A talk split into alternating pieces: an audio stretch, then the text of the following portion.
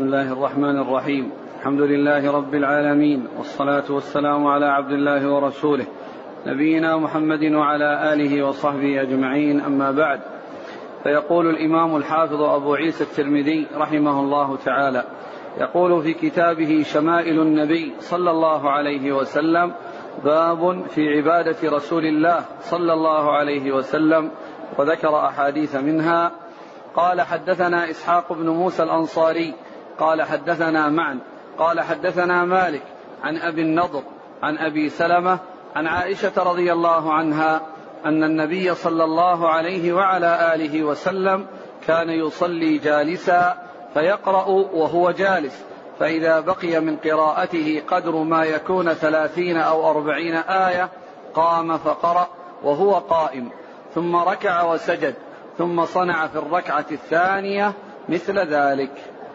الحمد لله رب العالمين وأشهد أن لا إله إلا الله وحده لا شريك له وأشهد أن محمدا عبده ورسوله صلى الله وسلم عليه وعلى آله وأصحابه أجمعين.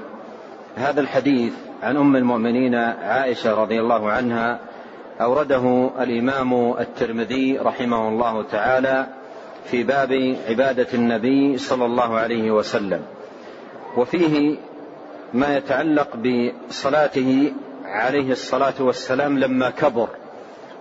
فإن قولها رضي الله عنها أن النبي صلى الله عليه وسلم كان يصلي جالسا قيل هذا لما كبر عليه الصلاة والسلام.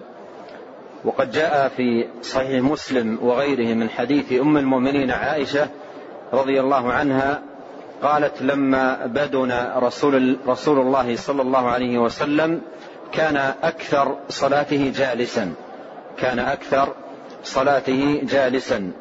فقولها هنا أن النبي صلى الله عليه وسلم كان يصلي جالسا. هذا يحمل على حاله عليه الصلاة والسلام عند الكبر لما ثقل صلوات الله وسلامه وبركاته عليه. قالت أن النبي صلى الله عليه وسلم كان يصلي جالسا فيقرأ وهو جالس.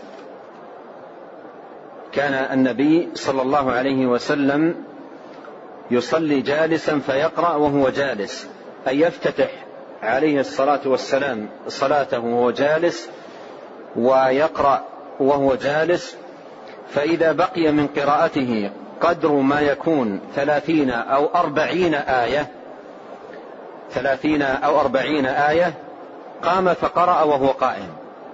وهذا فيه دلالة على طول قراءته عليه الصلاة والسلام في هذه الصلاة. لأنه كان يقرأ عليه الصلاة والسلام قراءة طويلة ثم إذا بقي ما يقرب من الثلاثين أو الأربعين آية وجاء في صحيح مسلم في بعض الروايات الجزم بالأربعين آية بدون الشك. فإذا جاء في حدود هذا القدر قام عليه الصلاة والسلام فقرأ وهو قائم ثم ركع ثم ركع وسجد ثم صنع في الركعة الثانية مثل ذلك أي أنه يصليها عليه الصلاة والسلام جالسا ويطيل القراءة عليه الصلاة والسلام حتى إذا بقي قدر ما يكون ثلاثين أو أربعين آية فإنه يقوم ويقرأها عليه الصلاة والسلام قائما ثم يركع ثم يسجد صلوات الله وسلامه عليه. وهذا الحديث خرجه الإمامان البخاري ومسلم في صحيحيهما من طريق بالنظر به وزاد البخاري فإذا قضى صلاته نظر فإن كنت يقضى نظر فإن كنت يقضى تحدث معي. وإن كنت نائما اضطجع.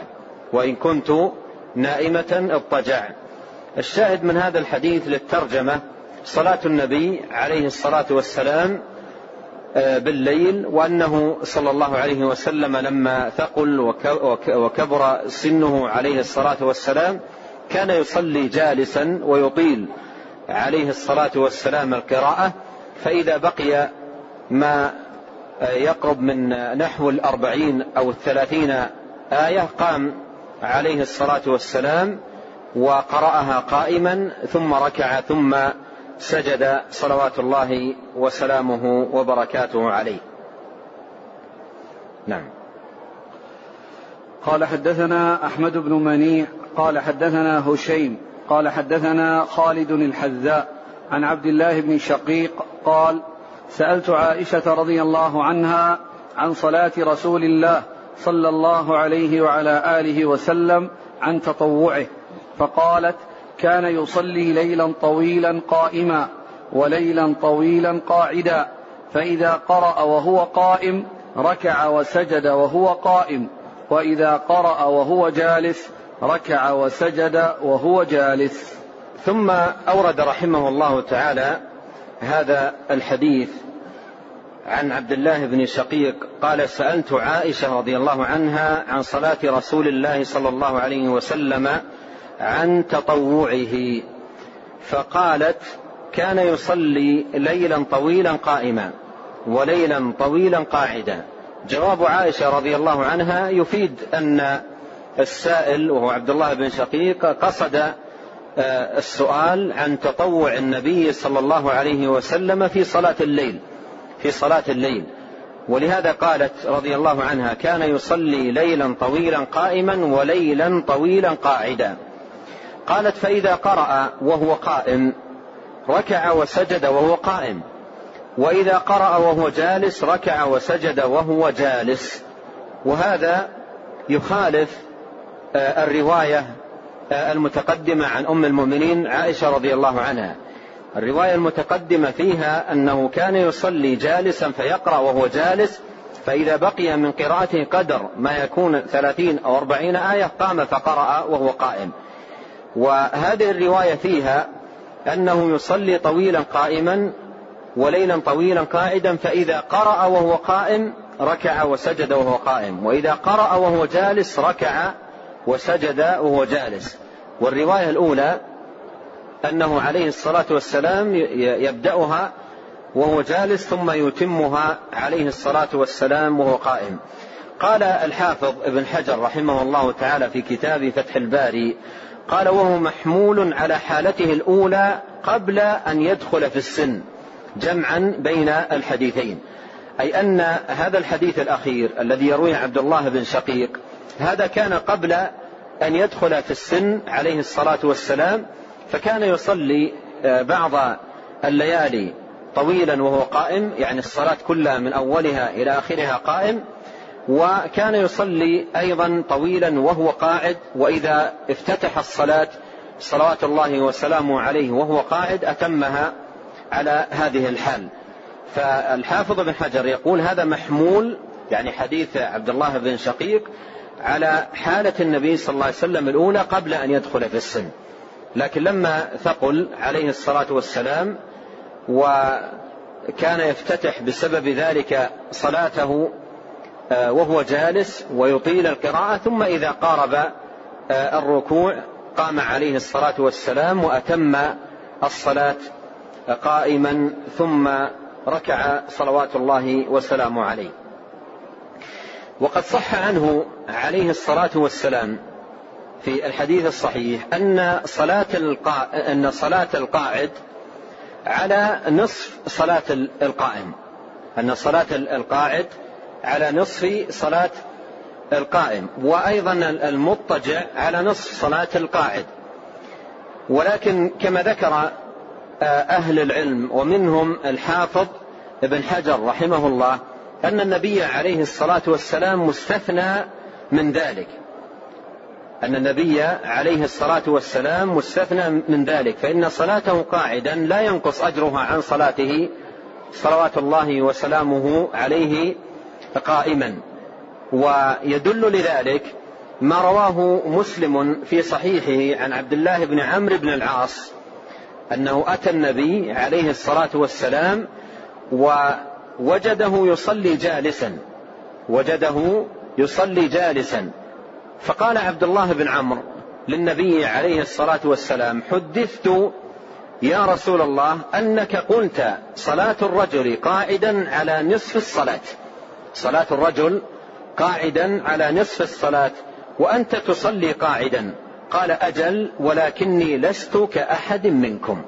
أجل ولكني لست كأحد منكم. ولهذا أخذ آه، أهل العلم من هذا الحديث أن النبي عليه الصلاة والسلام مستثنى من عموم قوله صلاة القاعد على النصف من صلاة القائم. نعم. قال حدثنا إسحاق بن موسى الأنصاري قال حدثنا معن قال حدثنا مالك عن ابن شهاب عن السائب بن يزيد رضي الله عنه عن المطلب بن أبي وداعة السهمي رضي الله عنه عن حفصة رضي الله عنها زوج النبي صلى الله عليه وعلى آله وسلم أنها قالت كان رسول الله صلى الله عليه وعلى آله وسلم يصلي في سبحته قاعدا ويقرأ بالسورة ويرتلها حتى تكون أطول من أطول منها.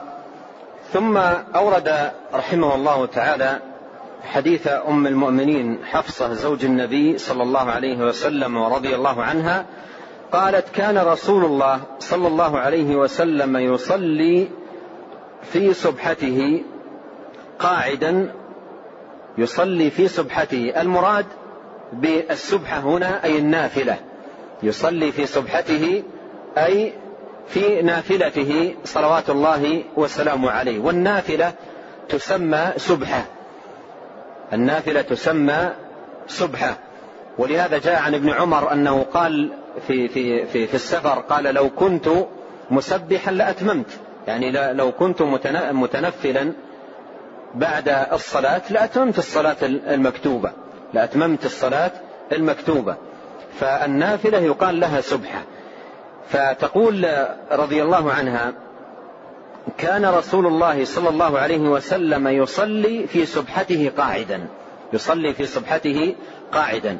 وهذا إنما كان منه عليه الصلاة والسلام في آخر حياته.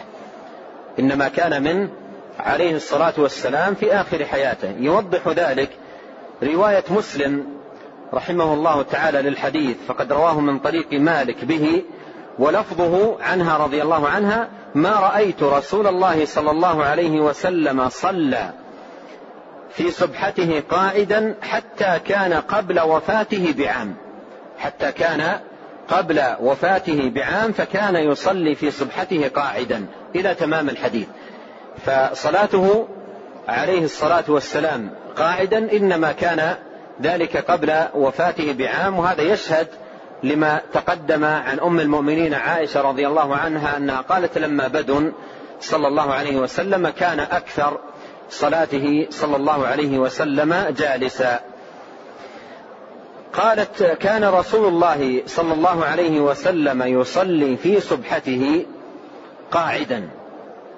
عرفنا أن السبحه هي النافلة وسميت سبحه من التسبيح. الذي يكون فيها. وهذا من تسمية الشيء ببعض أفراده. مثل ما مثل ما يقال سجدت سجدة أو ركعت ركعة أو نحو ذلك ويريد صليت. فيسمى الشيء ببعض أفراده. فلما كان من أفراد الصلاة التسبيح سميت الصلاة سبحة.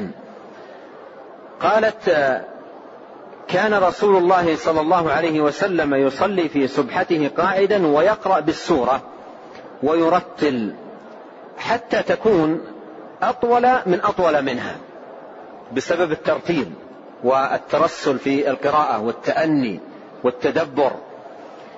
وقد جاء في حديث حذيفة قد تقدم عند المصنف في لفظه عند مسلم أنه قال كان إذا مر لما قرأ البقرة كاملة والنساء في ركعة. قال فكان إذا مر بآية فيها رحمة سأل.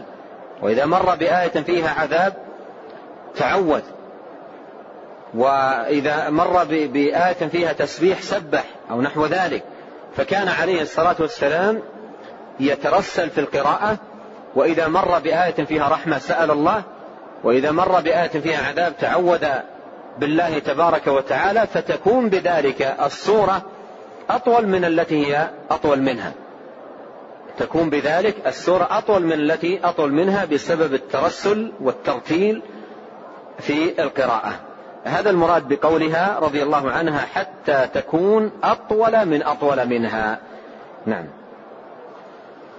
قال حدثنا الحسن بن محمد الزعفراني قال حدثنا الحجاج بن محمد عن ابن جريج قال أخبرني عثمان بن أبي سليمان أن أبا سلمة بن عبد الرحمن أخبره أن عائشة رضي الله عنها أخبرته أن النبي صلى الله عليه وعلى آله وسلم لم يمت حتى كان أكثر صلاته وهو جالس. ثم أورد هذا الحديث عن عائشة رضي الله عنها آه، أنها أخبرته أي أخبرت أبا سلمة بن عبد الرحمن أن النبي صلى الله عليه وسلم لم يمت حتى كان أكثر صلاته وهو جالس.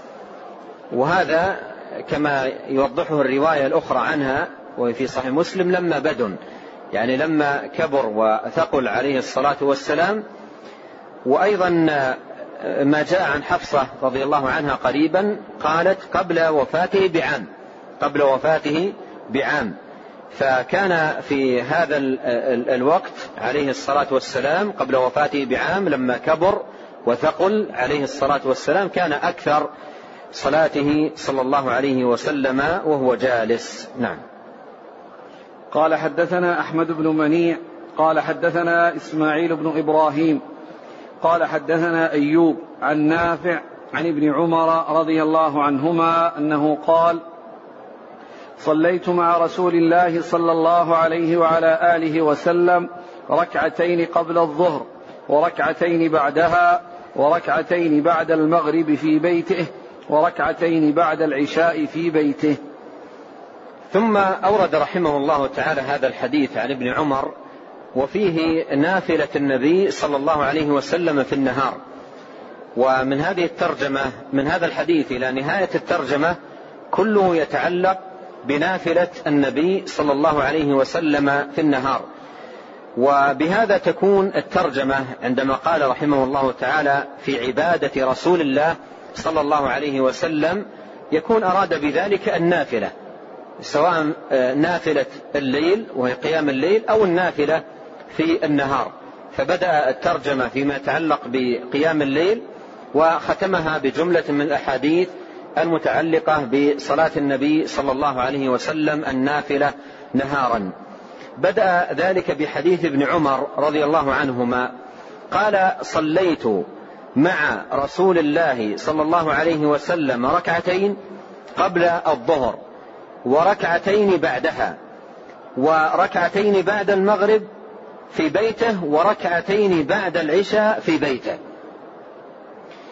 وسيأتي عنه ذكره للنافلة التي كان يصليها عليه الصلاة والسلام قبل الفجر راتبة الفجر. فهذه عشر ركعات آه، آه، رواها عبد الله بن عمر في صلاة النبي صلى الله عليه وسلم النافلة الراتبة أو أيضا يقال لها السنة المؤكدة وهي بحسب رواية عبد الله بن عمر ثنتين قبل الظهر وثنتين بعدها وثنتين بعد المغرب وثنتين بعد العشاء وثنتين قبل الفجر كما سيأتي في الرواية القادمة. فهذه عشر آه، ركعات كان يصليها عليه الصلاة والسلام نافلة في في, في, في اليوم والليلة وهي تسمى الصلاة الراتبة وهي سنة مؤكدة. وهي سنة مؤكدة وجاء فيها ثواب عظيم يأتي الإشارة إلى بعضه. قال صليت مع رسول الله صلى الله عليه وسلم ركعتين قبل الظهر وركعتين بعدها وركعتين بعد المغرب في بيته وركعتين بعد العشاء في بيته. وسيأتي من حديث عائشة رضي الله عنها أنه كان عليه الصلاة والسلام يصلي قبل الظهر اربعا. أنه كان يصلي قبل الظهر اربعا ومن أهل العلم من حمل ذلك على حالين. يعني مرة يصلي اربعا كما روت ذلك عائشة ومرة يصلي ثنتين كما روى ذلك عبد الله بن عمر. نعم. قال حدثنا أحمد بن منيع قال حدثنا إسماعيل بن إبراهيم قال حدثنا أيوب عن نافع عن ابن عمر رضي الله عنهما أنه قال أخبرتني حفصة رضي الله عنها أن رسول الله صلى الله عليه وعلى آله وسلم كان يصلي ركعتين حين يطلع الفجر وينادي المنادي. قال أيوب أراه قال خفيفتين. وهنا أورد حديث ابن عمر وفيه ذكر آه، نافلة النبي صلى الله عليه وسلم الراتبة قبل آه، قبل صلاة الفجر. النافلة قبل صلاة الفجر. فيقول أخبرتني حفصة فيما يتعلق بالثمان ركعات ثنتين قبل الظهر وثنتين بعدها وثنتين بعد المغرب وثنتين بعد العشاء هذه يقول صليتها مع رسول الله. بمعنى أنه رضي الله عنه كان يرى النبي عليه الصلاة والسلام يصليها. بينما التي قبل الفجر لم ير ذلك وإنما حدثته به حفصة رضي الله عنها. وإنما حدثته بذلك حفصة رضي الله عنها. ما قرابة حفصة رضي الله عنها لابن عمر؟ نعم. ما قرابة حفصة لابن عمر؟ نعم. شقيقته؟ طيب. هذا يرويه ابن عمر رضي الله عنهما عن أخته حفصة. آه، رضي الله عنها زوج النبي صلى الله عليه وسلم.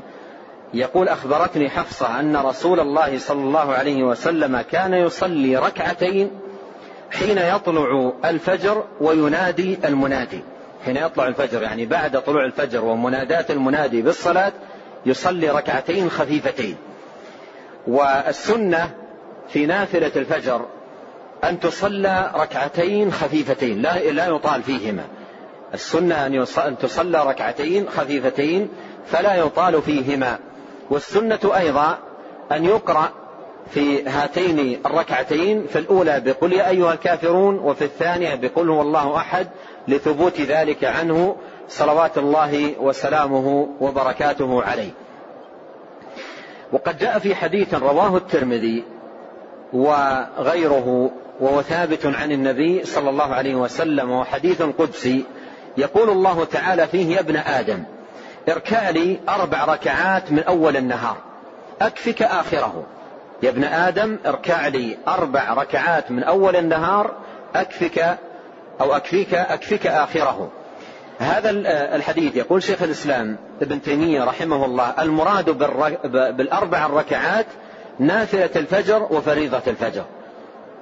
فالذي يكرمه الله عز وجل ويؤدي في أول النهار صلاة الفجر الفريضة ويصلي قبلها النافلة يكفى النهار كله. قال أكفك آخرة. وهذا ثواب عظيم لا ينبغي لعاقل أن يفوته على نفسه وأن يحرم نفسه من هذا الخير. فإنه إذا أمسك زمام اليوم وصلى النافلة ثم صلى بعدها المكتوبة كفاه الله عز وجل يومه كله. وهذه نعمة عظيمة لا ينبغي لعاقل أن يفرط فيها وأن يفوتها على نفسه. قال أيوب أراه قال خفيفتين. السنة في هاتين الركعتين أن تكون خفيفتين أو أن تكون خفيفتين. نعم.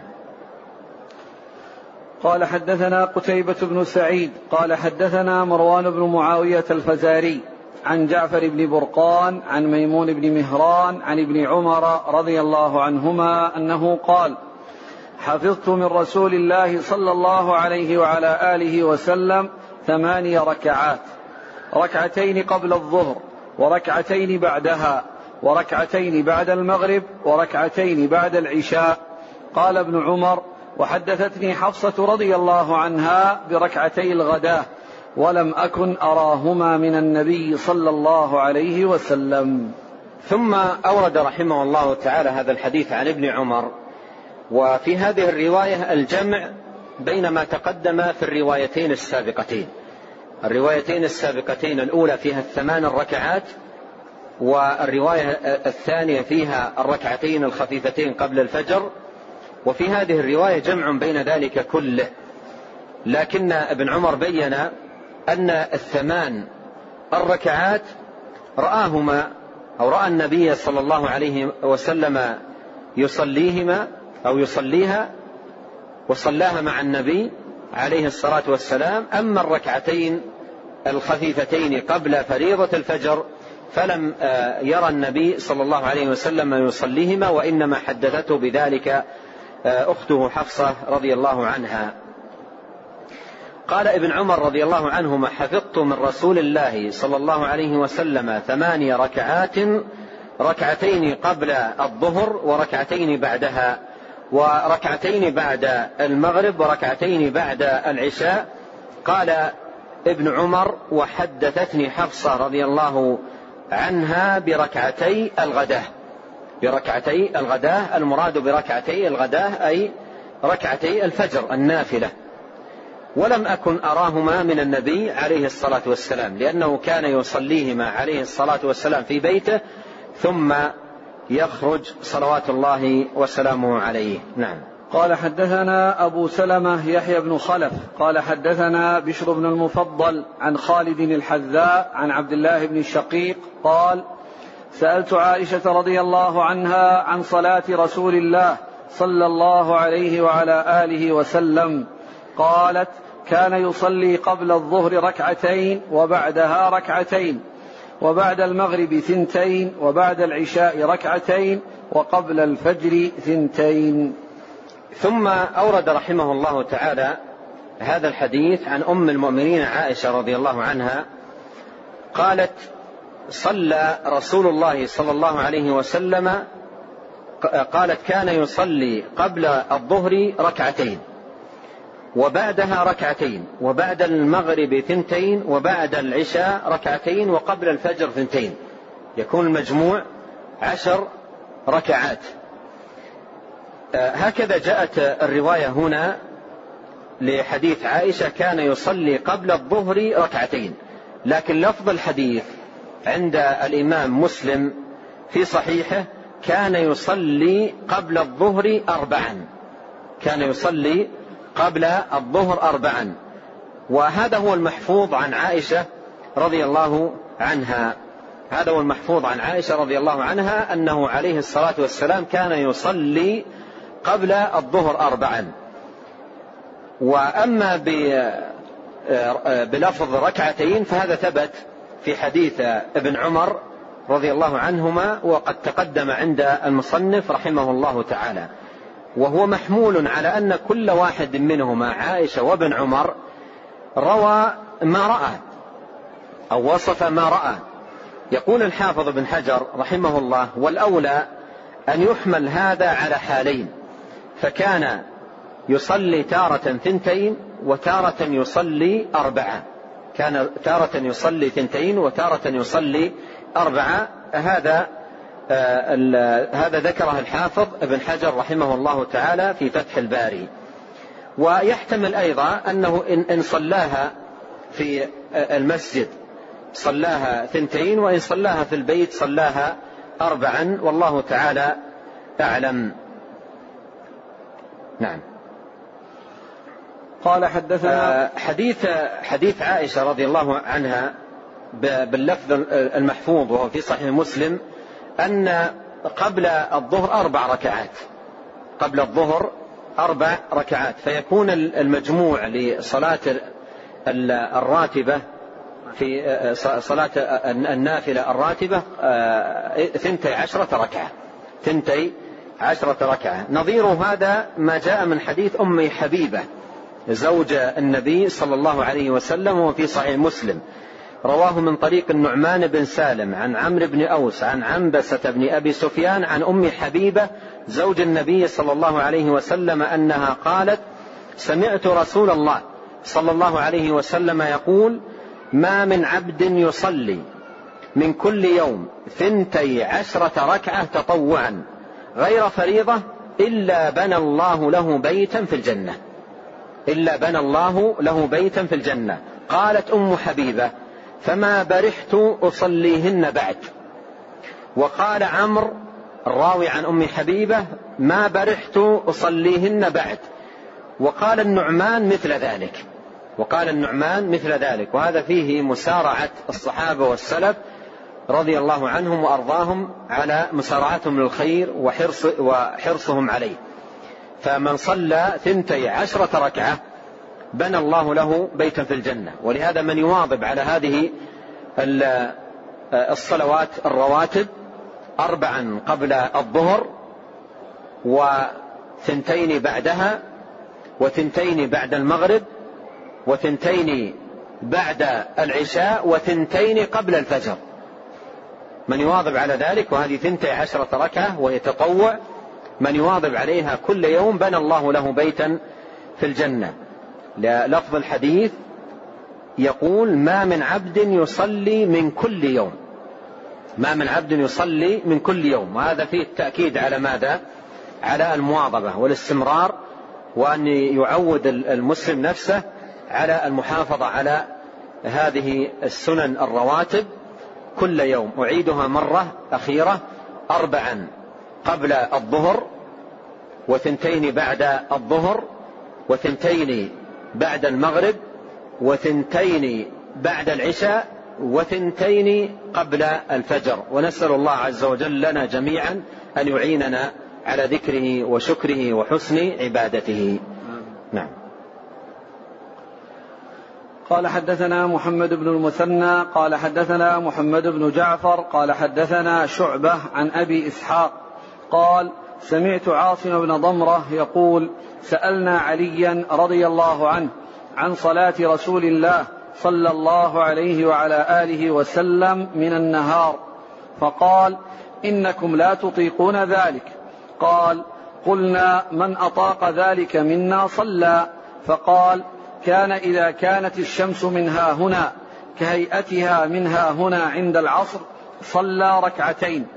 وإذا كانت الشمس منها هنا كهيئتها منها هنا عند الظهر صلى أربعا ويصلي قبل الظهر أربعا وبعدها ركعتين وقبل العصر أربعا يفصل بين كل ركعتين بالتسليم على الملائكة المقربين والنبيين ومن تبعهم من المؤمنين والمسلمين.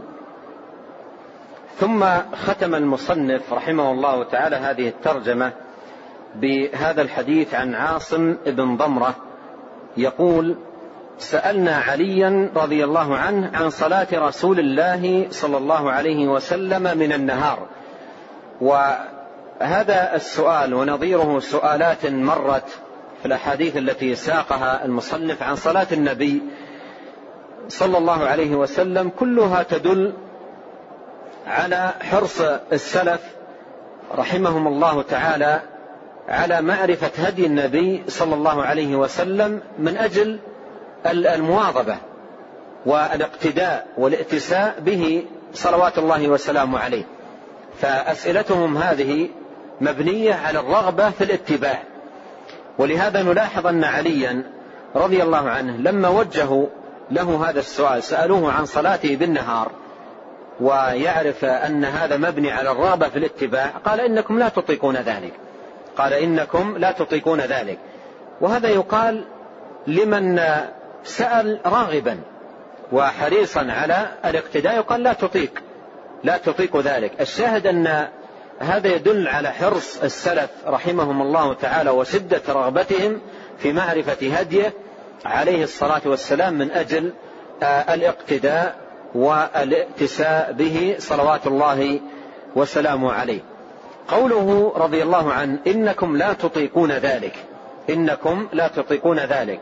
أي من حيث آه، المواظبة والخشوع تمام الصلاة وكمالها وكمال المحافظة عليها والعناية بها قال إنكم لا تطيقون ذلك. إنكم لا تطيقون ذلك. قلنا من أطاق ذلك منا صلى. أي أن أن الرغبة في معرفة ذلك قائمة. من أطاق منا ذلك صلى. من أطاق ذلك منا صلى. فهذه نوافل من وفقه الله وأعان عليها فاز بثواب السابقين بالخيرات والمنافسين في الرغائب والمستحبات. وليست من الفرائض ولا من الواجبات. ولهذا قالوا من أطاق منا ذلك صلى أي فيفوز بأجر ذلك وثوابه. فقال كان فقال أي علي رضي الله عنه كان أي النبي صلى الله عليه وسلم إذا كانت الشمس منها هنا إذا كانت الشمس منها هنا يعني يشير إلى جهة المشرق يشير إلى جهة المشرق. قال إذا كانت الشمس منها هنا كهيئتها منها هنا عند العصر. صلى ركعتين. مراده بقوله صلى ركعتين أي صلاة الضحى. لكن متى كانت هذه الصلاة؟ يقول رضي الله عنه إذا كانت الشمس يعني في السماء منها هنا يعني من جهة المغرب من جهة المشرق كهيئتها منها هنا أي من جهة المغرب يعني وقت صلاة العصر. فإذا كانت الشمس آه، آه، وقت آه، الشروق أول النهار في في السماء مثل وضعها في في في آخر النهار وقت صلاة العصر. فهذا وقت صلاة الضحى. وقت صلاة الضحى. يعني أن النبي عليه الصلاة والسلام يصلي صلاة الضحى لما تكون الشمس في الشرق مثل آه، حالها عندما تكون وقت العصر في الغروب وقت الغروب. فيصلي صلاة الضحى. قال صلى ركعتين المراد أي صلاة الضحى. قال وإذا كانت الشمس منها هنا يعني من الشرق كهيئتها منها هنا عند الظهر صلى أربعا. وهذا المراد به كما ذكر آه، بعض الشراح صلاة الأوابين حينما ترمض الفصال. يعني عندما تقوم آه، الشمس قبل الزوال ولكن ليس المراد قبل الزوال عندما تكون الشمس في كبد السماء هذا وقت نهي. يعني قبل آه، قبل الزوال بربع ساعة تقريبا هذا وقت ينهى عن الصلاة فيه. لكن قبل ذلك هذا وقت صلاة. وقت صلاة وإليه الإشارة هنا بقوله إذا كانت الشمس منها هنا كهيئتها منها هنا عند الظهر صلى أربعا. عند الظهر صلى أربعا. وهذا كله في الضحى. يعني الذي آه، آآ آه، الذي تقدم أولا وهذا أيضا كله في الضحى. قال ويصلي قبل الظهر أربعا يعني بعد الأذان يصلي قبل الظهر أربعا وهذه السنة الراتبة التي قبل الظهر. وقوله يصلي أربعا هذا يؤيد ما جاء في حديث عائشة وأيضا ما جاء في حديث أم حبيبة رضي الله عنهم. وبعدها ركعتين. يعني يصلي بعد الظهر ركعتين. قال وقبل العصر أربعا. وقبل العصر أربعا. وهذه ليست من الرواتب لكن أيضا ورد فيها فضل عظيم. ومن ذلك ما جاء عنه عليه الصلاة والسلام أنه قال رحم الله امرأ صلى قبل العصر أربعة قوله يفصل بين كل ركعتين بالتسليم. قوله يفصل بين كل ركعتين بالتسليم. يحتمل قوله بالتسليم على الملائكة المقربين والنبيين ومن تبعهم من المؤمنين والمسلمين يحتمل أن المراد بذلك آه، آه، ما جاء في التشهد السلام عليك أيها النبي ورحمة الله وبركاته السلام علينا وعلى عباد الله الصالحين. هذا يشمل الملائكة ويشمل آه، الصالحين من عباد الله. فيحتمل أن المراد بقول بقوله يفصل بين كل ركعتين بالتسليم على الملائكة المقربين والنبيين ومن تبعهم من المؤمنين والمسلمين يحتمل هذا. ويحتمل أن المراد بالتسليم أي الذي يحصل به تحليل الصلاة. تحريمها بالتكبير وتحليلها بالتسليم. أي أنه يسلم عن يمينه وعن شماله. وهذا هو الأوضح والأقرب والذي يدل عليه ظاهر السياق لأنه قال يفصل بين كل ركعتين بالتسليم أي يسلم. يسلم و آه، آه، هذا هو المراد فيما يظهر الله تعالى أعلم. قال يفصل بين كل ركعتين بالتسليم على الملائكة المقربين.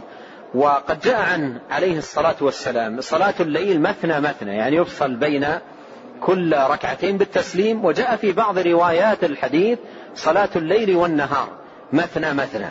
صلاة الليل والنهار مثنى مثنى أي أنه يفصل بين كل ركعتين بالتسليم. يعني يصلي ركعتين ويسلم ثم يصلي ركعتين ويسلم. وبهذا أنهى المصنف رحمه الله تعالى ما يتعلق بصلاة بعبادة النبي صلى الله عليه وسلم ثم عقد رحمه الله تعالى آه، ترجمة آه، آه، بعنوان باب صلاة الضحى. أرجئ الحديث عن هذا الباب إلى لقاء الغد بإذن الله تبارك وتعالى. مر معنا في الترجمة في الترجمة نفسها في الحديث رقم 275 قال أبو عيسى وأبو حمزة اسمه طلحة بن يزيد وأبو حمزة الضبعي اسمه نصر بن عمران. نبه الشيخ عبد الرحمن الرشيدان حفظه الله قال لعل هذا فيه تصحيف والأمر كما ذكر آه هذا الموضع فيه تصحيف والصواب وأبو آه جمرة الضبعي. وأبو جمرة وليست أبو حمزة وأبو آه جمرة الضبعي فليصحح. وبمناسبة أننا نستقبل شهرا فضيلا وموسما آه، مباركا آه، نقف وقفة نتذاكر فيها شيئا من فضائل هذا الشهر الكريم وأيضا ما ينبغي علينا جميعا أن نستقبل به هذا الموسم المبارك والشهر العظيم الذي نسأل الله عز وجل أن يجعلنا فيه وفي أوقاتنا كلها من عباده المقربين ومن أوليائه المتقين وأن يعيننا على ذكره وشكره وحسن عبادته وأن يصلح لنا شأننا كله. إنه تبارك وتعالى سميع قريب مجيب. جاء في الحديث الثابت عنه صلى الله عليه وسلم أنه قال إذا كان أول ليلة من من رمضان إذا كان أول ليلة من شهر رمضان صفدت الشياطين. صفدت الشياطين. وفتحت أبواب الجنة. فلم يغلق منها باب وغلقت أبواب النار فلم يفتح منها باب. وينادي مناد يا باغي الخير أقبل ويا باغي الشر أمسك. ولله عتقاء من النار وذلك كل ليلة. ولله عتقاء من النار وذلك كل ليلة. فهذا الحديث اجتمع فيه ذكر فضائل عظيمة في هذا الشهر الفضيل المبارك شهر رمضان وهي تبدأ تبدأ هذه الفضائل من أول ليلة. لأن النبي صلى الله عليه وسلم قال قال إذا كان أول ليلة. فتبدأ هذه الفضائل من آه، هلال أول ما يهل هلال رمضان تبدأ هذه الفضائل. تبدأ هذه الفضائل آه، تصفد الشياطين وتفتح أبواب الجنة وتغلق أبواب النار. وهذا فيه دلالة على أن شهر رمضان المبارك موسم عظيم للخيرات وموسم عظيم للمنافسة والمسابقة في الطاعات والتقرب إلى الله سبحانه وتعالى وحفظ الوقت والجد والاجتهاد في التلاوة والذكر وإطعام الطعام وصلة الأرحام وفعل أبواب البر المتنوعة فهو موسم عظيم لذلك. وينبغي لكل مسلم أن يغنم هذا الشهر وأن يتعرض لخيرات هذا الشهر وبركاته العظيمة. وألا يخرج من هذا الشهر محروما لأن النبي عليه الصلاة والسلام جاء عنه أنه قال رغم أنف امرئ دخل شهر رمضان ثم خرج ولم يغفر له. لأن هذا عين الحرمان يعني أن يحصل العبد شهر الخيرات ثم يخرج الشهر وهو كما هو لم يتغير له ساكن ولم يتحرك في هذا الموسم العظيم. ثم لنتأمل أيها الإخوة الكرام إلى قول نبينا عليه الصلاة والسلام ينادي مناد كل ليلة. ينادي مناد كل ليلة. يا باغي الخير أقبل ويا باغي الشر أمسك. هذا يدل على أن قلوب الناس على قلبين. قلب يبغي الخير أن ينشده ويتحراه ويطلبه ويتحرك في طلبه. وقلب آخر والعياذ بالله يبغي الشر يبغي الشر يعني يطلب الشر والشر يتحرك فيه ويبحث عنه ويتحراه فالقلب على قلبين. قلب يبغي الخير وقلب يبغي الشر. ولكل من هؤلاء يتوجه هذا النداء. ينادي مناد كل ليلة لمن كان قلبه يبغي الخير ولمن كان قلبه يبغي الشر. يا باغي الخير أقبل ويا باغي الشر أمسك. يا باغي الخير أقبل لأنك في موسم هو من أعظم مواسم الخيرات. ومن أعظم مواسم آه، المنافسة في التقرب إلى الله سبحانه وتعالى بأنواع الطاعات. فأقبل على الخير في موسمه ونافس في الخيرات وجد واجتهد. هذا معنى قول المنادي أقبل. أقبل أي أقبل بقلبك وقالبك بالجد والاجتهاد والرغبة والعزيمة والمنافسة والمرابطة والمصابرة. أقبل. ويا باغي الشر أمسك. أي كف عن الشر. فإنك في وقت فاضل وفي موسم عظيم. موسم يتنافس فيه أهل الخير في الخيرات. وتزداد عندهم أنواع القربات والطاعات. فكيف تكون في مثل هذا الموسم مقبلا على الشر والعياذ بالله؟ ثم إذا لم يتحرك قلب من قلبه يقبل على الشر في هذا الموسم توبة وإنابة وعودة إلى الله متى عساه أن يتحرك الناس يتنافسون طاعة وعبادة وذكرا وتلاوة لكلام الله سبحانه وتعالى وتنافسا في الخيرات وهو قلبه والعياذ بالله منصرف للبحث عن الشرور ومخالفة الآثام. ومن الأمور المؤسفة والمؤلمة ولا سيما في زماننا أن المسلمين يكاد لهم في شهر رمضان خاصة كيدا عظيما من خلال القنوات الفضائية الهابطة. فإن أرباب تلك القنوات من شهور طويلة قبل رمضان يجتهدون اجتهادا واسعا عريضا في إعداد برامج وضيعة وبرامج مخلة يقصدون نشرها في شهر رمضان. في شهر رمضان. والمقصود تلك البرامج صرف الناس عن الخيرات إلى السافل من المنكرات والحطيط من الآثام.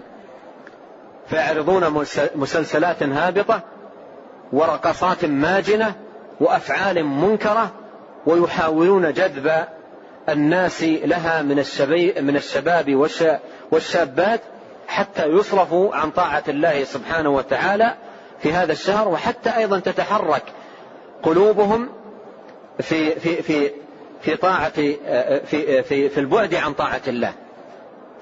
فالشياطين تصفد في رمضان من جهة لكن هؤلاء يعملون عمل الشياطين. ويستلمون وظيفة الشياطين لصرف الناس والعياذ بالله عن الخيرات وعن طاعة الله سبحانه وتعالى. فينبغي للمسلم أن يربأ بنفسه وأن يربأ بولده من مخططات هؤلاء الآثمة ومكرهم الكبار العظيم. وأن يحرص على حفظ شهره وألا يضيع شهره منه بمثل هذه الأمور المنكرة والمشاهد المحرمة التي تضعف الإيمان وتقلل الرغبة في طاعة الله سبحانه وتعالى. وبعض هؤلاء يجعلون آه، يجعلون وقت بثهم لهذه المسلسلات بعد الغروب مباشرة عند الإفطار عند الإفطار. وفي الدعاية لها في الدعاية لها بعضهم يكتب في الترغيب فيها والدعاية لها جرب الإفطار معنا. جرب الإفطار معنا. ويبدأون بالإغراءات والدعايات التي تجر السذج من الناس. ثم إذا جرب المجرب على حد زعم هؤلاء الإفطار معهم. وشاهد تلك المشاهد. شاهد تلك المشاهد. بعد الإفطار مباشرة بعد صلاة المغرب. هل تلك المشاهد تحرك في قلبه الرغبة في صلاة التراويح وقيام الليل؟ هل تحرك في قلبه الرغبة في قراءة القرآن وتلاوته؟ هل تحرك في قلبه الرغبة في صلة الأرحام بر الوالدين إطعام الطعام؟ أبدا. تحرك في قلبه الرغبة في الشهوات. ولهذا يخرج من المسلسل إلى أماكن الأسواق والتجمعات والاحتكاك بالنساء وفعل الأمور المحرمة بينما الذي حفظ وقته عند الإفطار بالذكر والدعاء والالتجاء إليه يجد نفسه نشطة لأداء صلاة التراويح برغبة عزيمة وهمة عالية وجد واجتهاد في طاعة الله سبحانه وتعالى وما يقرب إليه. ولهذا ينبغي على المسلم أن يستحضر كل ليلة من ليالي رمضان هذا النداء. يا باغي الخير أقبل ويا باغي الشر أمسك. ونحن أيها الإخوة وإن كنا لا نسمع هذا النداء في أي ليلة من ليالي رمضان إلا, لا إلا أننا منه على يقين. إلا أننا منه على يقين. لأن الذي أخبر بذلك هو الصادق المصدوق الذي لا ينطق عن الهوى صلوات الله وسلامه وبركاته عليه. فيستحضر المسلم هذا النداء. يا باغي الخير أقبل. ويا باغي الشر أمسك. وفي رواية أقصر. فهذا النداء يستحضره كل ليلة حتى تتحرك نفسه رغبة في الخير وقصورا وانكفافا وبعدا عن الشر. حمانا الله وإياكم وقانا جميعا من موارد سخطه سبحانه وتعالى.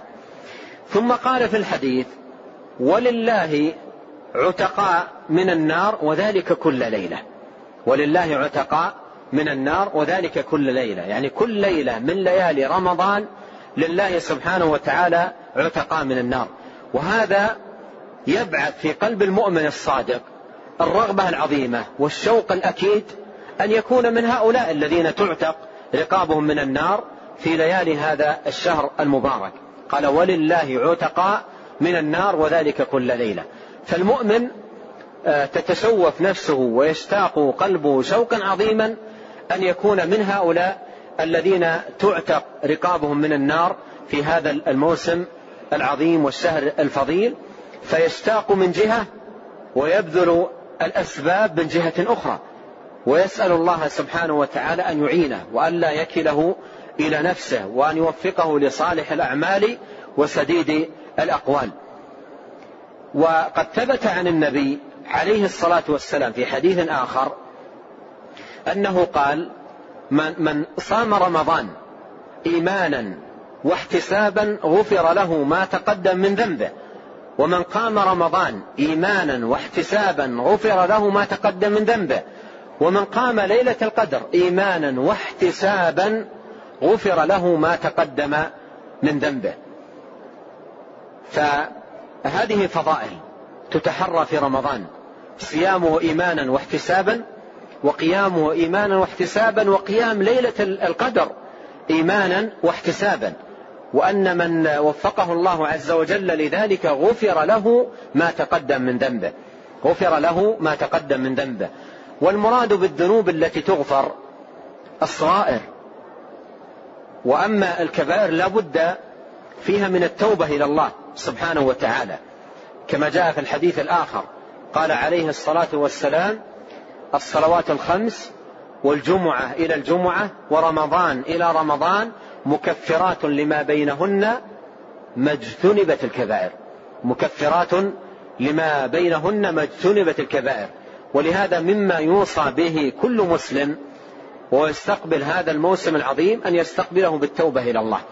أن يستقبله بالتوبة إلى الله سبحانه وتعالى من كل ذنب وخطيئة.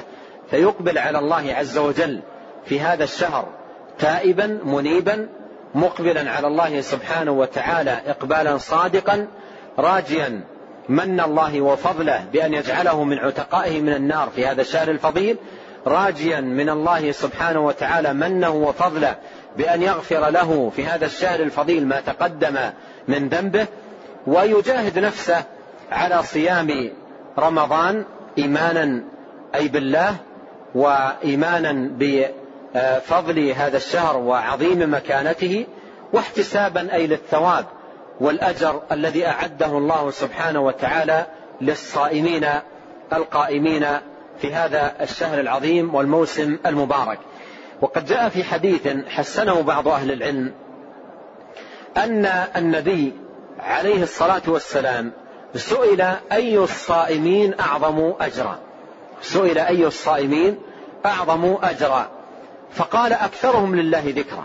فقال أكثرهم لله ذكرا. وقد أخذ ابن القيم رحمه الله تعالى في كتابه الوابل الصيب من هذا الحديث قاعدة في العبادات عموما أن أعظم الناس أجرا في كل طاعة أكثرهم فيها ذكرا لله. أن أعظم الناس أجرا في كل طاعة أكثرهم فيها ذكرا لله لأن ذكر الله عز وجل هو مقصود العبادات. فأكثر الحجاج أجرا أكثرهم لله ذكرا في حجهم وأكثر المعتمرين أجرا أكثرهم لله ذكرا في عمرتهم وأكثر الصائمين أجرا عند الله سبحانه وتعالى أكثرهم لله ذكرا في صيامهم. هل صيام من يمسك المصحف بعد صلاة الفجر تاليا له؟ كصيام من يسحب وسادته بعد صلاة الفجر وينام من الظهر هل صيام هذين واحدا؟ لا. هذا صائم وهذا صائم وهذا أدى الفرض وهذا أدى الفرض لكن فرق بين الصيامين. فأكثر الصائمين أجرا عند الله سبحانه وتعالى أكثرهم لله جل وعلا ذكرا في صيامهم. ولهذا ينبغي على المسلم أن يحرص في صيامه على كثرة الذكر لله لا يحرص في صيامه على كثرة النوم وإنما يحرص في صيامه على كثرة الذكر لله سبحانه وتعالى. والطريقة التي يفعلها كثير من الناس في رمضان وهي السهر حتى صلاة الفجر والنوم في نهار رمضان. بعضهم ينام في في في في نهار رمضان من بعد الفجر إلى قرب الغروب. بعضهم يستيقظ ليصلي الفرض وبعضهم لا يستيقظ. بعضهم يستيقظ ليصلي الفرض وبعضهم لا يستيقظ. وهذه حال بئيسة والعياذ بالله.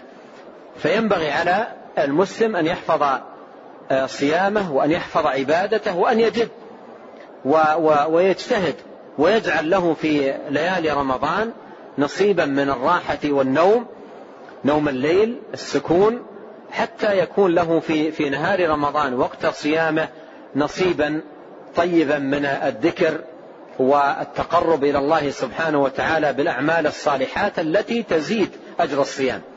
ولهذا كل ما زادت الأعمال الصالحة والقربات في في في الصيام كان هذا أعظم اجرا. كان هذا أعظم اجرا للصائم وأكثر ثوابا عند الله سبحانه وتعالى. ونسأل الله الكريم رب العرش العظيم باسماء الحسنى وصفاته العلى وبأنه الله الذي لا إله إلا هو الذي وسع كل شيء رحمة وعلما نسأله بأن له الملك وحده لا شريك له وله الحمد وحده لا شريك له الأحد الصمد الذي لم يلد ولم يولد ولم يكن له كفوا أحد أن يعيننا جميعا على ذكره وشكره وحسن عبادته وأن يصلح لنا جميعا ديننا الذي هو عصمة أمرنا وأن يصلح لنا دنيانا التي فيها معاشنا وأن يصلح لنا آخرة التي فيها معادنا وأن يجعل الحياة زيادة لنا في كل خير والموت راحة لنا من كل شر وأن يوفقنا لسديد الأقوال وصالح الأعمال وأن يوفقنا جميعا للتوبة النصوح وأن يغفر لنا ذنبنا كله دقة وجلة أوله وآخرة سره وعلنه وأن يغفر لنا ولوالدينا ولمشايخنا وللمسلمين والمسلمات والمؤمنين والمؤمنات الأحياء منهم والأموات. إنه تبارك وتعالى غفور رحيم جواد كريم. والله تعالى أعلم وصلى الله وسلم وبارك وأنعم على عبده ورسوله نبينا محمد وآله وصحبه أجمعين. جزاكم الله خيرا وبارك الله فيكم ألهمكم الله الصواب ووفقكم للحق. نفعنا الله ما سمعنا وغفر الله لنا ولكم وللمسلمين أجمعين آمين. في زيادة نص ساعة. فنود أنكم تكلمون باعتبار وجود الزائرين. نود الكلام عن صفة زيارة قبر النبي صلى الله عليه وسلم حيث الكثير يسأل عنها الصفة المشروعة والأمور المبتدعة أولا أحب أن أنبه أن هذا الدرس بمشيئة الله سبحانه وتعالى في شهر رمضان المبارك سيكون موعده في المكان نفسه بعد صلاة العشر, العصر مباشرة. هذا الدرس يكون في شهر رمضان المبارك بعد صلاة العصر مباشرة في هذا المكان وفي الكتاب نفسه شمائل النبي صلى الله عليه وسلم للإمام الترمذي. وفي مثل هذه الأيام يكثر الزوار لمسجد النبي صلى الله عليه وسلم من الآفاق ونسأل الله عز وجل للجميع القبول والتوفيق والعتق من النار بمنه وكرمه وجوده. وفيما يتعلق بالمسنون والمشروع في زيارة مسجد النبي عليه الصلاة والسلام والأعمال التي تشرع في هذا البلد المبارك مدينة النبي صلى الله عليه وسلم. أولا أن مجيء الإنسان لهذا البلد يكون بنية لزيارة مسجد النبي عليه الصلاة والسلام. يكون شده لرحله من بلده. يكون بنية زيارة مسجد النبي عليه الصلاة والسلام لقوله لا تشد الرحال إلا إلى ثلاثة مساجد المسجد الحرام ومسجد هذا والمسجد الأقصى. قال لا تشد الرحال إلا لثلاثة مساجد. وأهل العلم أخذوا من هذا الحديث فائدة عظيمة ألا وهي أن الإتيان للمدينة يكون بهذه النية. شد الرحل لزيارة مسجد النبي صلى الله عليه وسلم. فإذا وصل إلى المدينة يصلي في هذا المسجد ما تيسر له ويحرص على أداء الفرائض في هذا المسجد. المبارك فإن صلاة فيه كألف صلاة فيما سواه إلا المسجد الحرام. صلاة فيه كألف صلاة فيما سواه إلا المسجد الحرام. وهذا شامل للفريضة والنافلة. شامل للفريضة والنافلة. لكنه صلوات الله وسلامه عليه قال صلاة الرجل في بيته أفضل إلا المكتوبة. صلاة الرجل في بيته أفضل إلا المكتوبة. فيحرص على الصلاة في هذا المسجد المبارك مسجد النبي عليه الصلاة والسلام وأيضا يحرص على كثرة الجلوس في المسجد وانتظار الصلاة إلى الصلاة وحضور حلق العلم ومجالس الذكر وتعلم القرآن والتفقه في دين الله ومعرفة الحلال والحرام. فهذا من أعظم ما يتقرب إلى الله سبحانه وتعالى به في هذا المسجد. قد جاء عنه عليه الصلاة والسلام أنه قال من جاء هذا المسجد لعلم يتعلمه أو يعلمه فهو كالمجاهد في سبيل الله أو كما قال صلوات الله وسلامه عليه. فيحرص على ذلك حرصا عظيما. ويستحب له أن يزور قبر النبي عليه الصلاة والسلام وقبر صاحبيه. يزور قبر النبي عليه الصلاة والسلام وقبر صاحبيه للسلام. وقد جاء عن ابن عمر رضي الله عنهما أنه إذا إذا زار قبر النبي عليه الصلاة والسلام وقبر صاحبيه يقول يقف مستقبلا القبر مستدبرا القبلة ويقول السلام عليك يا رسول الله السلام عليك يا أبا بكر السلام عليك يا أبتاه. السلام عليك يا أبتاه ثم ينصرف. والذي ينبغي على من يزور قبر النبي عليه الصلاة والسلام وقبر صاحبيه وكذلك آه، آه، القبور الأخرى مثل قبور البقيع والشهداء أن يزورها من أجل السلام ومن أجل تذكر الآخرة. كما قال عليه الصلاة والسلام كنت نهيتكم عن زيارة القبور ألا فزوروها فإنها تذكركم الآخرة. وأيضا يزورها من أجل السلام. وقد سئل عليه الصلاة والسلام عما يقال عند زيارة القبور. قال تقولون السلام عليكم أهل الديار من المؤمنين والمسلمين. أنتم السابقون ونحن إن شاء الله بكم لاحقون. نسأل الله لنا ولكم العافية. وينبغي على من زار قبر النبي عليه الصلاة والسلام ألا يتخذه عيدا. وقد قال عليه الصلاة والسلام اللهم لا تجعل قبري عيدا. واتخاذه عيدا يكون بتخصيص أوقات معينة. إما كل يوم أو كل شهر أو كل سنة أو كل عيد أو نحو ذلك يكون بذلك اتخذه عيدا. وقد قال عليه الصلاة والسلام اللهم لا تجعل قبري عيدا. وأيضا صح عنه أنه قال زوروا قبور ولا تقولوا هجرة. والهجر من القول هو السيء منه. وأعظم, وأعظم الهجر من القول الشرك بالله بسؤال المقبورين ودعائهم. وأيضا من الهجر البدع المحدثات والأفعال المنكرة التي قد يمارسها بعض الجهال عند زيارة القبور. فينبغي على المسلم أن يحذر من ذلك كله. ولهذا قال أهل العلم إن زيارة آه، القبور على نوعين زيارة مشروعة وزيارة ممنوعة. والزيارة المشروعة هي التي يقصد بها تذكر الآخرة والدعاء لأهل القبور. الزيارة المشروعة هي التي يقصد بها تذكر الآخرة والدعاء لأهل القبور والسلام عليهم. فهذه زيارة مشروعة. أما الزيارة الممنوعة فهي كل زيارة تقع من الزائر مخالفة لما كان عليه هديه عليه الصلاة والسلام ولما وجه إليه صلوات الله وسلامه وبركاته عليه. ومن يأتي إلى القبور سواء قبر النبي عليه الصلاة والسلام أو قبر صاحبيه أو قبر الأولياء أو غيرهم من أجل دعائهم من دون الله فهذا أعظم أمر بعث نبينا صلى الله عليه وسلم بإنكاره والنهي عنه وتحذير الناس منه صلوات الله وسلامه عليه. فيجب على المسلم أن يحذر من ذلك أشد الحذر.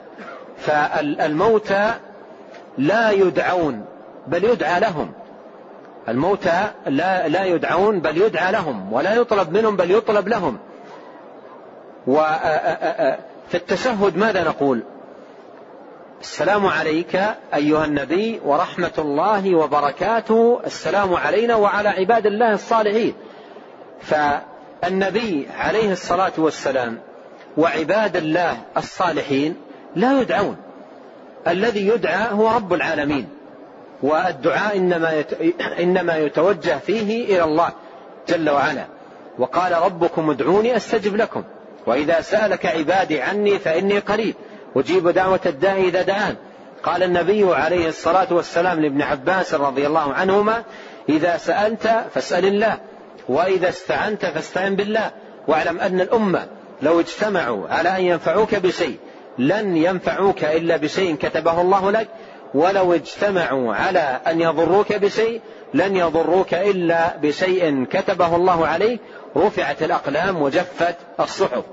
فيجب على المسلم أن يحذر من ذلك أشد الحذر. وبعض الجهال ومن لا علم عندهم بدين الله سبحانه وتعالى يقصدون قبور قبر النبي وقبر الصالحين من عباد الله من أجل دعائهم. من أجل دعائهم ومن أجل طلبهم أمورا لا تطلب إلا من الله سبحانه وتعالى. وهذا كله من الشرك الذي بعث نبينا عليه الصلاة والسلام بالنهي عنه وإنكاره.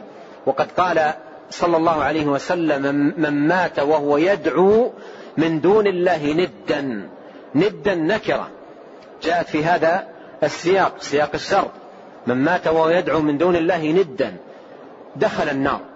فالعبادة ومنها الدعاء حق لله جل وعلا فلا يسأل إلا الله ولا يدعى إلا الله ولا يستغاث إلا بالله ولا يتوكل إلا على الله ولا يطلب المدد والعون والشفاء والعافية إلا من الله سبحانه وتعالى. والمخلوقات كلها عبيد لله مربوبة لله مسخرة لله فلا يدعى إلا الله جل وعلا. وأيضا من يزور القبور عليه أن يحذر من البدع ومن المخالفات. بكل أنواعها. والضابط في هذا الباب الذي يضبط المسلم نفسه عند زيارة القبور أن يحرص على أن تكون زيارته مشروعة لأن كل عمل ليس عليه هدي النبي صلى الله عليه وسلم فهو مردود على صاحبه. والذي دل عليه هديه صلى الله عليه وسلم في زيارة القبور أنها تزار من أجل تذكر الآخرة. قال ألا فزوروها فإنها تذكركم الآخرة وأنها تزار من أجل الدعاء للموتى. السلام عليكم أهل الديار من المؤمنين والمسلمين. أنتم السابقون ونحن إن شاء الله بكم لاحقون. نسأل الله لنا ولكم العافية. ما يتعلق في القبور التي تزار في المدينة ثلاثة. قبر النبي عليه الصلاة والسلام وقبر صاحبيه وقبور البقيع وقبور الشهداء. وقبور الشهداء شهداء أحد. فيزورها من وصل إلى المدينة لأجل السلام ولأجل تذكر الآخرة. والمساجد التي تشرع زيارتها في المدينة مسجدان. هذا المسجد مسجد النبي عليه الصلاة والسلام والصلاة فيه آه، بألف صلاة فيما سواه إلا المسجد الحرام ومسجد قباء. وقد صح عنه عليه الصلاة والسلام أنه كان يأتي آه، قباء كل سبت راكبا وماشيا قيل كل سبت أي كل يوم سبت وقيل كل سبت أي كل أسبوع. وصح عنه عليه الصلاة والسلام أنه قال من تطهر في بيته وأتى مسجد قباء وصلى فيه ركعتين كان كأجر عمرة. كان كأجر عمرة. فيحرص آه، آه، الزائر للمدينة أن يتطهر في بيته وأن يذهب, وأن يذهب لمسجد قباء وأن يصلي فيه فيفوز بهذا الأجر العظيم والثواب الجزيل. وليس في المدينة آه، مساجد تشرع زيارتها وورد فيها ثواب عن النبي صلوات الله وسلامه عليه غير هذين المسجدين المسجد النبوي ومسجد قباء. ونسأل الله الكريم لنا جميعا التوفيق والسداد والهداية والرشاد والعون على كل خير. أحسن الله إليكم. يقول السائل الاضطجاع بعد سنة الفجر هل يكون ذلك في البيت أم في المسجد؟ وهل كان صلى الله عليه وسلم يداوم على هذا الاضطجاع آه الذي جاء من هديه عليه الصلاة والسلام أنه آه يصلي آه نافلة آه أنه يصلي نافلة الفجر في بيته خفيفتين. أنه يصلي نافلة الفجر في بيته خفيفتين ثم يضطجع. ثم يضطجع اضطجاعة آه، يسيرة أو خفيفة على جنبه الأيمن ثم ينهض صلوات الله وسلامه عليه. للذهاب لصلاة آه، آه، الفجر في المسجد. فهذا الذي ثبت عنه وقد مر ذكر ذلك من حديث أم المؤمنين عائشة رضي الله عنها.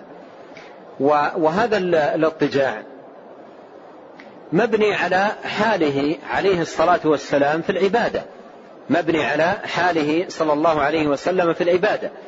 فكان عليه الصلاة والسلام كما مر معنا ينام من أول الليل ثم إذا كان منتصف الليل قام وصلى صلوات الله وسلامه عليه آه، آه، سدسي آه، الليل من من منتصف الليل يصلي بمقدار سدسين من الليل ثم ينام السدس الأخير من الليل صلوات الله وسلامه عليه. وهذا مر معنا في حديث ابن عباس رضي الله عنهما. ثم يصلي نافلة الفجر في بيته بعد الأذان ثم يضطجع ثم يضطجع. وهذه الاضطجاعة لعل الحكمة منها والله تعالى أعلم ليكون ذلك أنشط في أداء صلاة الفجر. أنشط في أداء صلاة الفجر. فهذه الاضطجاعة تتناسب مع حاله صلوات الله والسلام عليه من قيام الليل والعبادة التي تكون منه صلى الله عليه وسلم. نعم. يقول ما معنى صلاة الأوابين حين ترمض الفصال؟ صلاة الأوابين حين آه، ترمض الفصال الأوابين من الأوبة والأواب هو كثير الرجوع إلى الله عز وجل بفعل ما أمر واجتناب ما نهى عنه تبارك وتعالى وزجر. فصلاة الأوابين أي أهل الأوبة وكثرة الأوبة إلى الله عز وجل والإقبال على طاعته سبحانه وتعالى حين ترمض الفصال. والفصال المراد بها صغار صغار الإبل صغار الإبل عندما تبدأ تشتد حرارة الشمس في في الضحى عندما تشتد حرارة الشمس ترمض الفصال يعني تبدأ تحس الفصال بحر الرمضاء حر الرمضاء. المراد حين ترمض الفصال يعني حينما تبدأ الأرض آه، تحتر من من الشمس. قال صلاة الأوابين حين ترمض الفصال والمراد أن هذا أفضل أوقات صلاة الضحى وصلاة الضحى من بعد طلوع الشمس وارتفاعها قيد رمح إلى آه، قبل الزوال بربع ساعة. يعني من بعد طلوع الشمس بربع ساعة تقريبا إلى قبل زوال الشمس بربع ساعة. هذا كله وقت صلاة الضحى وأفضل ذلك حين ترمض الفصال. عدد من الأسئلة يسأل عن قضاء آه، الرواتب. إذا فاتت الرواتب على الإنسان هل له أن يقضيها؟ آه، صلاة الراتبة صلاة الراتبة عرفناها وهي ثنتي عشرة ركعة أربع قبل آه، أربع قبل الظهر وثنتين بعدها وأربع بعد المغرب وثنتين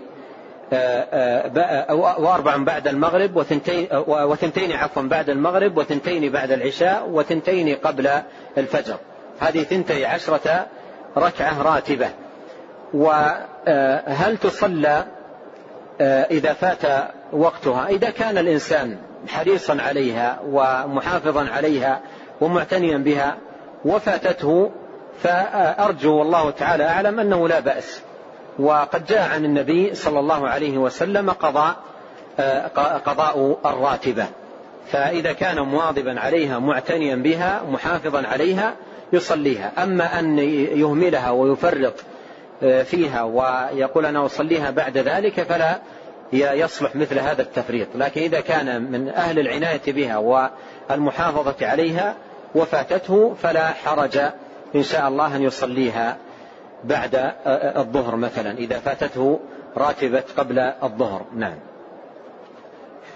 يقول هل يصلي الزائر لمسجد رسول الله صلى الله عليه وسلم النوافل في مكان إقامته أم في المسجد النبوي باعتبار أن الصلاة فيه كألف صلاة فيما سواه وهو زائر غير مقيم؟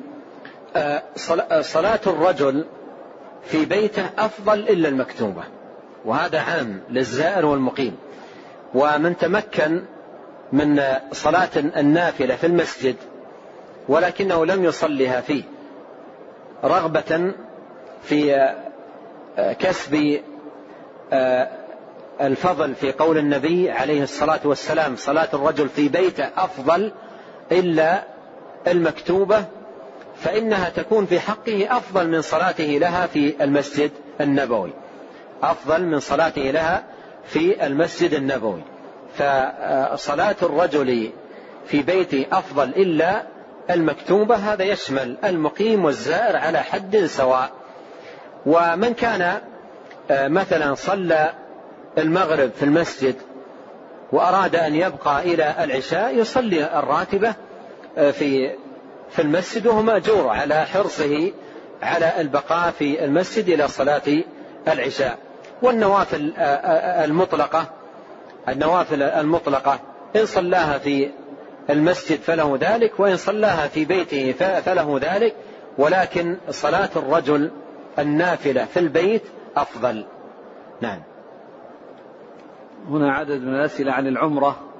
السؤال الأول يقول هل يجوز هل تجوز العمرة لاثنين بنية واحدة كالوالدين مثلا؟ لا يجوز ذلك. يعني إذا اعتمر الإنسان إما أن يعتمر عن نفسه أو يعتمر عن غيره لكن لا يجمع نيتين في عمرة واحدة. مثلا لا ينوي بالعمرة عن نفسه وعن, وعن والده. ولو نوى عمرة عن نفسه وعن والده وعن والده وكان لم يعتمر عن نفسه تكون هذه العمرة عنه. تكون هذه العمرة عنه ولا يصح أن يجمع في عمرة واحدة بين نيتين عن شخصين وإنما تكون عن شخص واحد. وإذا كان سبق له أن اعتمر عن نفسه وأحب أن يعتمر عن والده فله ذلك ويكون مأجورا على ذلك. لكن بشرط آه، أن يكون إما آه، أن يكون والده إما متوفى أو مريض مرضا لا يرجى برؤه. نعم. يقول هل الركن اليماني يقبل أم يلمس فقط؟ الذي جاء فيما يتعلق بالركن اليماني هو مسحه فقط لمن تمكن من ذلك ولم يرد تقبيله. الذي ورد فيما يتعلق بالركن اليماني هو مسحه فقط. و وأيضا إذا مر به ولم يتمكن من من المسح لا يشير ولا يكبر. لا يشير ولا يكبر. لكن إن تمكن من مسح الركن اليماني مسحه وإلا مضى في طوافه. نعم. السؤال الثاني يقول الحجر الأسود عندما يلمس باليد هل تقبل اليد؟ آه إذا لم يتمكن إذا لم يتمكن من تقبيله يلمسه بيده. إذا لم يتمكن من من تقبيله يلمسه يمسح الحجر بيده. ولا أذكر الآن آه، فيما يتعلق بتقبيل اليد. والله أعلم. يقول كذلك إذا كان بعيد وأشار إلى الحجر هل يقبل اليد؟ لا في الإشارة هنا لا يقبل اليد. لا يقبل اليد وإنما يشير ويكبر ويمضي دون تقبيل يده. نعم. رجل أحرم من ميقات أهل المدينة واعتمر لنفسه ثم يريد أن يعتمر لأخيه فمن أين يعيد الإحرام؟ إذا وصل إلى مكة معتمرا وكان عنده سعة في الوقت فالأفضل له أن يبقى في مكة. يكثر من الطواف ويكثر من العبادة وذكر الله سبحانه وتعالى وتلاوة القرآن وكما كما قال أهل العلم لا يخرج من مكة من أجل أن يعتمر.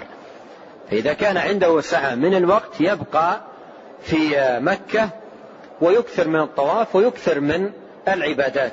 وإذا تهيأ له في سفرة أخرى عمرة وأحب أن يجعلها عن أخيه أو عن أمه أو عن أبيه أو عن أحد أقاربه أو عن شخص آخر فله ذلك.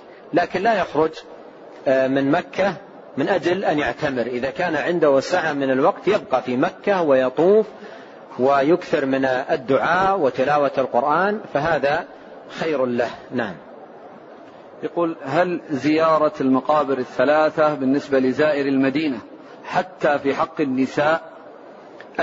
الصحيح من قولي أهل العلم في هذه المسألة أن المرأة لا يشرع لها زيارة القبور. لقول النبي عليه الصلاة والسلام لعن الله زوارات القبور. والمرأة فيها من الضعف فيها من الضعف ما لا تتمكن منه كثير من النساء في من ضبطها لنفسها عندما تزور القبور.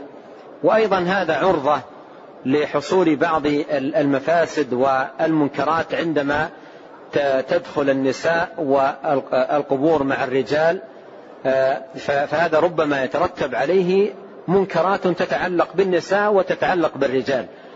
فالصحيح من قولي أهل العلم والله تعالى أعلم أن المرأة لا يشرع لها زيارة القبور والله تعالى أعلم وصلى الله وسلم على عبده ورسوله نبينا محمد.